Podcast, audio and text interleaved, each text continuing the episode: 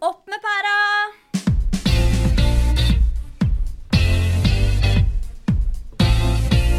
Velkommen til Opp med pæra. Den podkasten som diskuterer læring og undervisning i digitale omgivelser.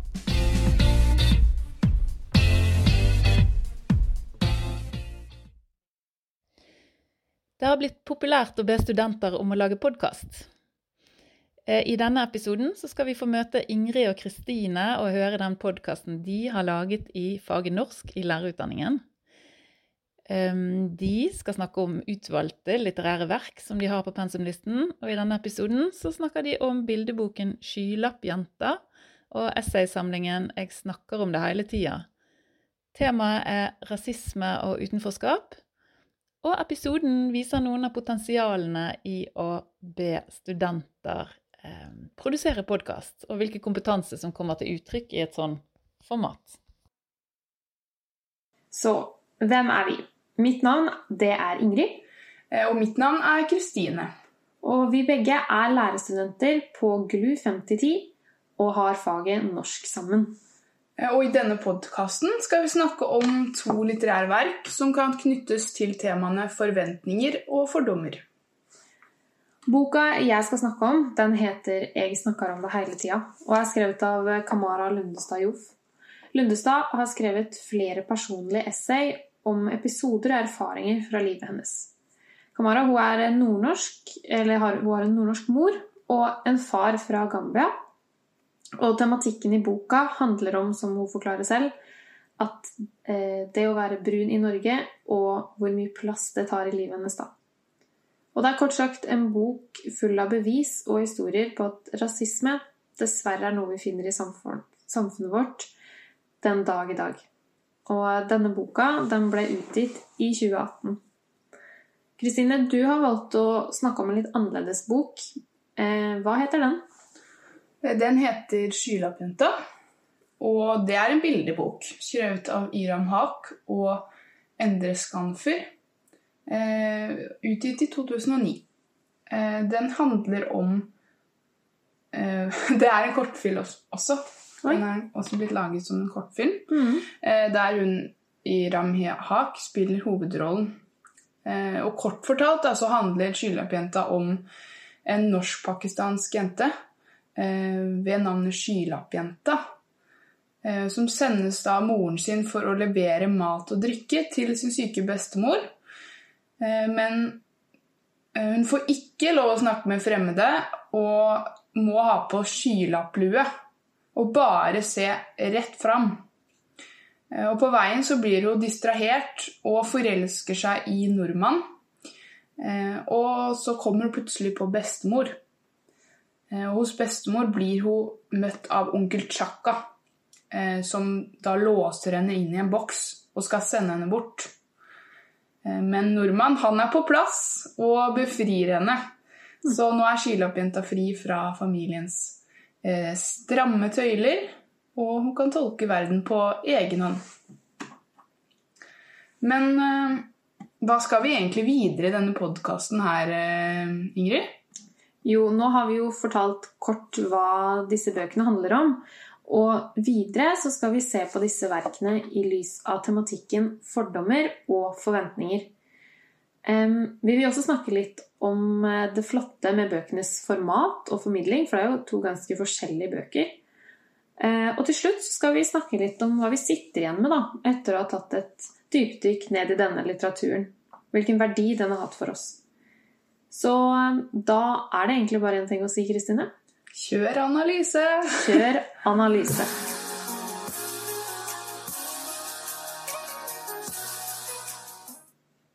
Jeg skal være ærlig og si at eh, ved første øyekast, eller det blir kanskje ørekast når vi lager en podkast, hvis det går an å si, så jeg tenker at begrepet analyse det er kanskje ikke noe som fenger folk sånn umiddelbart. Men en ting jeg kan si, er at etter at jeg leste i Per Thomas Andersen sin bok 'Forstå fortellinger', så fikk jeg faktisk et litt eh, nytt syn på saken. Og hva gjorde du? Ja, fordi han tar fram en måte å forstå temaanalyse og motivanalyse som gjorde at det faktisk ga litt mer mening, da. For meg, i hvert fall. Eh, For han skriver at temaformuleringer, det er påstander. Og vi har jo lagt fram en påstand om at tematikken vi finner felles her, det er forventninger og fordommer. Men som Andersen nevner da, eh, så er det jo ikke noe verdi hvis vi ikke begrunner disse påstandene. Eller sagt på en litt annen måte at vi må finne bevis for disse påstandene. Så vi må gå fra det abstrakte til det konkrete, og vi må finne disse motivene i teksten. Men eh, da må jeg bare spørre, da. Er det noen bevis eller motiv i teksten din som kan underbygge disse temaene? Ja, det er flere, og det skal vi jo snakke litt videre om. Eh, men et eh, motiv som jeg vil trekke fram, det er kvitheit. Det er en tekst i boka eh, hvor hun forteller om at hun får komplimenter for å være så hvit. Eh, I form av interesser, språket hennes, tankegang osv. Og folks fordommer de blir satt litt på prøve da, når Kamara ikke lever opp til disse fordommene og forventningene som de har forestilt seg. Eh, fordi de har jo forventninger om at hun ikke kan språket, og fordommer kanskje om at hun ikke har den utdannelsen hun har, eller ja, osv. Men det som gjør det så vondt her, er jo det utfallet at de gir kompliment for å være hvit. At det er noe positivt. Fordi hva legger man egentlig i det, tenker jeg da. Og det viser jo bare de store fordommene som blir lagt når, er, eh, når de ser at du er brun først, da. Mm. Men eh, den tematikken om fordommer og forventninger, er, det som, er dette noe som er gjennomgående i, i boken til Kamara? Ja, det er det. Og i alle essaytekstene hennes um, er det egentlig det. Men dette var jo bare ett konkret eksempel.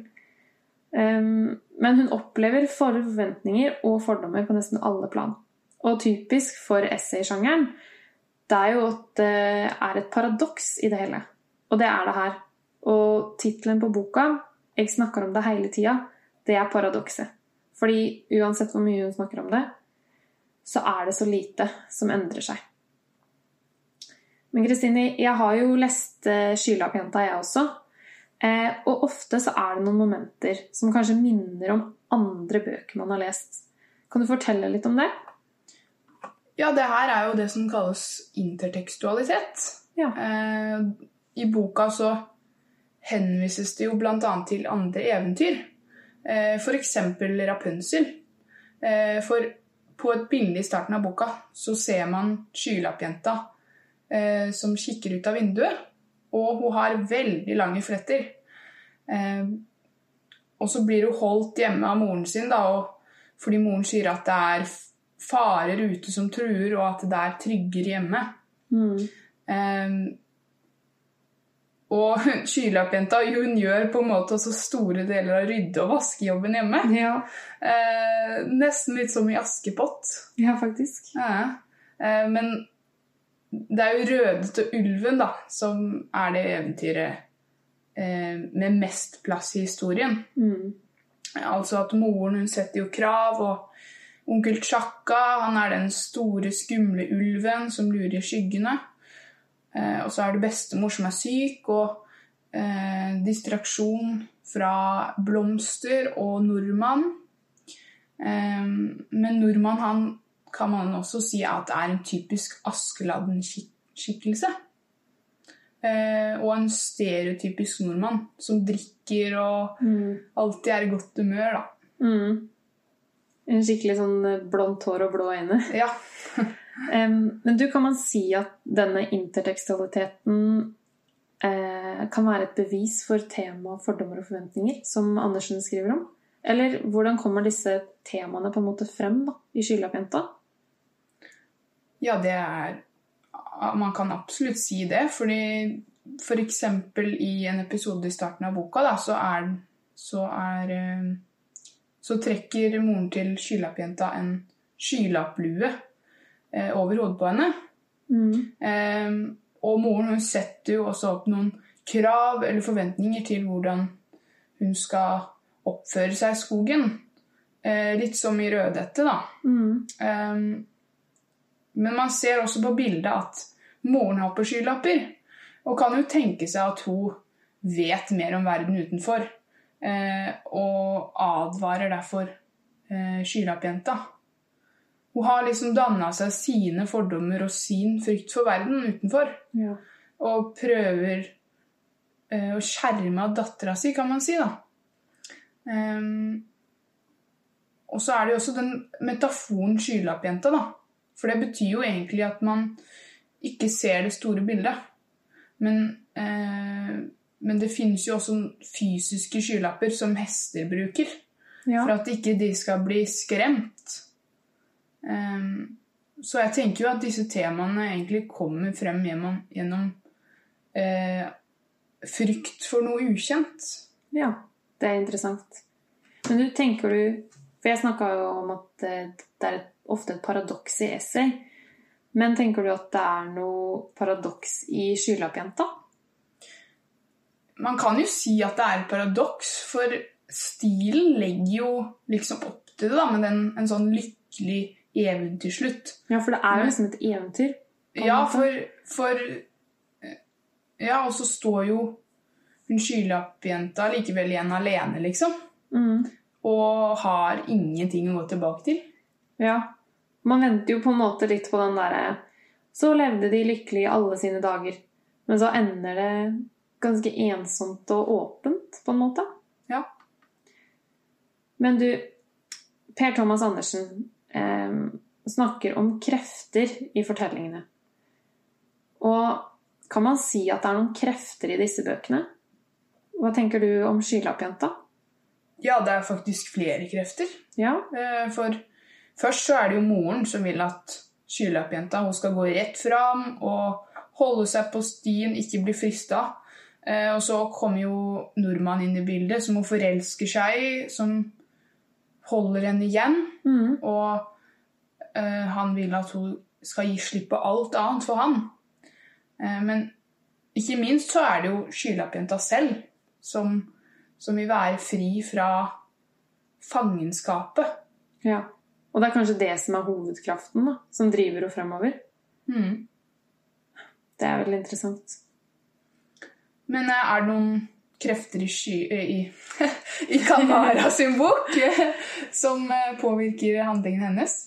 Ja, det vil jeg si. Og hun skriver en tekst som hun kaller for lågfrekvenskjensler. Hun skriver jo boka på nynorsk. Det er derfor jeg innimellom skyter inn noen nynorsk.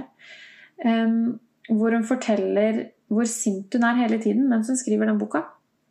Og hun skriver at hun må dosere for at hun ikke skal virke for aggressiv gjennom tekstene sine. Og hun skriver at det gjelder å finne den hårfine grensa og vise hvor vanskelig dette er, hvor hardt det går inn på meg, men uten å fremstå som et offer. Og Kamara forteller om at skyldfølelsen den er uproduktiv. Og det er den lavfrekvensfølelsen da, som hun eh, lager et bilde på. Og den ligger liksom der og murrer og gjør henne sint. Og jeg tenker at dette sinnet er drivkraften til Kamara for å kjempe mot rasismen hun opplever. da. Um, og det er det som er den kraften i boka. Men det er viktig å poengtere det at det er ikke sinne mot konkrete personer. um, men det er et sinne mot det strukturelle i samfunnet. Det som tar lang tid å bearbeide. Um, så ja, det er, det er en drivkraft der som driver eh, handlingen i boka. Mm. Nå har vi jo snakka om eh, Kamara og skylappjenta. Mm. Eh, og vi kan jo også sammenligne disse to karakterene. Eh, vil du si at det er noen likhetstrekk mellom dem? Ja, det er det faktisk. Eh, Selv om det er ganske to forskjellige bøker, og Skylappjenta er jo fiktiv, mens Kamara er jo, forteller om sitt eget liv. Eh, Men allikevel så vil jeg si at begge disse personene er dynamiske, selv om Kamara ikke er en karakter. Men hvis man skal analysere det, så har hun hatt en utvikling. Altså det er en dynamikk der som eh, hun forteller gjennom boka. Hun forteller f.eks. at eh, tidligere i livet sitt så var rasisme noe hun ikke ville bry seg om, på en måte. Hun skygga det litt unna seg. Eh, Men nå så har hun blitt en som kjemper for det og står for sin rett. Da. Ja. Um, man kan jo si at skylappjenta også går fra å være den som da alltid gjør som hun blir fortalt, og aldri krangler eller um, klager, til å så kjempe mot familiens levemåte og syn på verden. Mm. Um, men den største forskjellen mellom de to karakterene, det er vel at Kamara allerede har opplevd verden og fordommene. Ja. Mens eh, skylappjenta har blitt skjerma mot det hun Mot dette, da. Helt til hun en dag får lov å gå ut. Mm. Og når man snakker om eh, handlingen i bildebøker, så bruker man ofte det begrepet hjem, hjemløs hjem.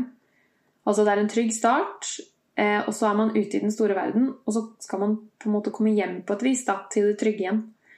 Men det vi begge har skjønt til slutt, er at vi opplever jo litt at Skylappjenta og Kamara de har ikke kommet helt hjem da, ved bokas ende. Nei. Eh, men de står fortsatt ute i den verden og må finne sin vei gjennom alle disse fordommene og forventningene. Ja, vi har jo nå fordypa oss i to ganske forskjellige bøker, da. Mm. Men eh, hva tenker du liksom er fordelen, da, med dette formatet som er i Kamara sin bok? Jeg tenker at det fine med essay, det er at eh, jeg snakker om det hele tida. Det er et personlig essay.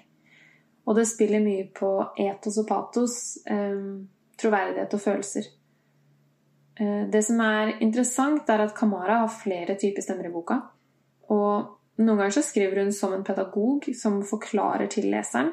Og andre ganger så skriver hun en sint stemme, sånn som jeg nevnte litt tidligere.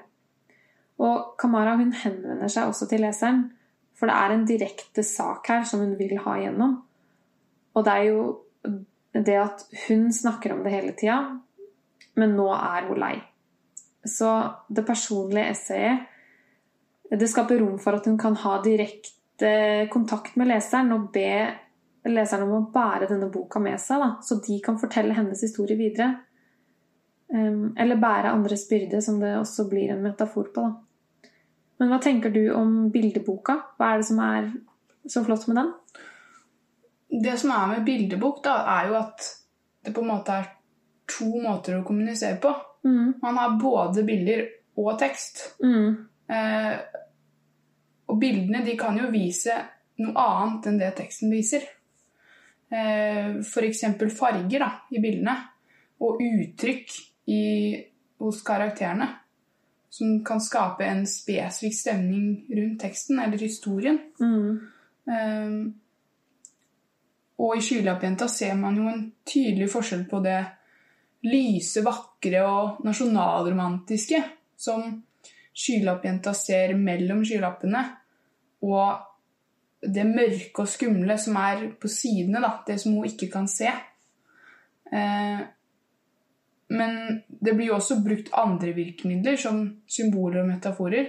Mm. Som det jeg nevnte med skylapper tidligere. Og eh, f.eks. at nordmann og skylappjenta de brenner broer.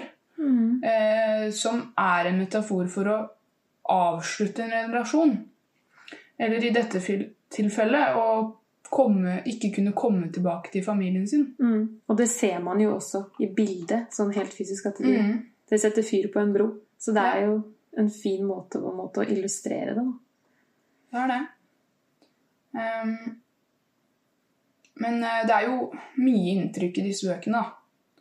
Så kanskje vi kan si litt om hvilken betydning de har for oss, da. Eh, Eller hva, hva sitter du igjen med etter å ha lest eh, Kamara sin bok? Ja, det er som du sier, man sitter igjen med mye inntrykk. Og jeg må si at eh, boka til Kamara Lundestad den overraska meg faktisk eh, fra første episode. Fordi jeg visste egentlig ikke helt hva jeg forventa når jeg skulle lese den. Um, og det som jeg syns er så fint, er at hun veier orda sine og porsjonerer den aggressiviteten gjennom boka, slik at jeg følte at jeg var med i de følelsene hele veien. Jeg kjente meg faktisk litt igjen i flere deler av boka fordi at hun klarte å dra meg inn i de følelsene. Eh, Men det som traff meg mest, var nok det eh, ønsket hennes om å være seg selv først, og ikke brun. Fordi det er jo eh, Uansett om man er hvit eller brun, så er vi fordomsfulle mennesker. Og det er noe jeg tar med meg videre fra den boka, at, eh, man, at jeg ikke skal være så fordomsfull. Ja, jeg må si meg enig i det du sier der, også for det var det inntrykket jeg også fikk, da. At Mm. eh, det var viktig å bli kjent med mennesker før man ja, gjør seg opp en mening om, min, mening om dem. Eh, for de er jo ikke alltid som man tror. Nei, de er ikke det. Eh, ja, også, jeg har jo lest 'Skylappjenta', da, og um, jeg kan jo si det at på slutten da, av boka så fikk jeg et slags håp. Oh. For uh, selv om uh, jenta i historien ikke får gutten til slutt, Mm. uh, så ble hun jo fri til å gjøre hva hun ville. Ja. Eh, og det er, ligger jo kanskje et budskap her da, om at det er viktig å kunne tolke verden og ikke basere sitt bilde av verden på alle andres erfaringer. ja. Det tenker jeg også er viktig.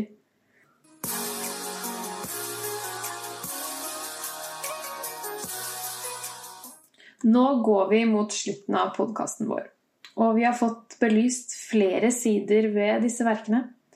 Men Kristine, vi to vi skal jo bli lærere, så vi må jo nesten spørre oss selv om disse bøkene er noe vi ville anbefalt videre, som bruk i klasserommet.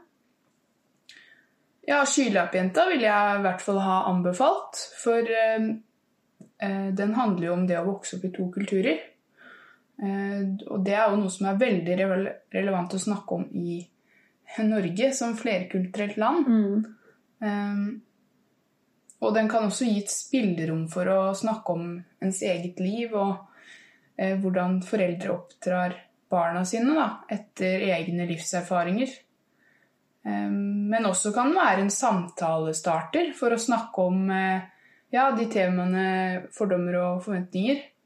Eh, til både hvordan man tror mennesker eller folkegrupper er, hvordan man vil de skal være, eh, men også hvordan de faktisk er. Enig. Og det samme tenker jeg egentlig litt med Jeg snakker om det hele tida. Og jeg tenker at Kamara sin bok den er veldig viktig, og er en god bok til å bruke på tvers av fag. Eh, og fagfornyelsens eh, tverrfaglige tema, demokrati og medborgerskap, det passer jo veldig godt til tematikken rasisme. Og kan være en fin måte å bli kjent med det personlige da, eh, i samfunnsproblemet. Som boka er en veldig god eh, Ja. start for, sånn som du også sier. At det er en samtalestarter. Så absolutt. Jeg tror vi kan si at begge disse bøkene er Eller kan gjøre en forskjell da, i klasserommet. Mm. Ja, de kan det. Mm. Og um, med det så er vi ved veis ende. Ja, det er vi faktisk. vi håper at dere likte å høre på og fant noe interessant i det vi snakka om. Så takk for oss.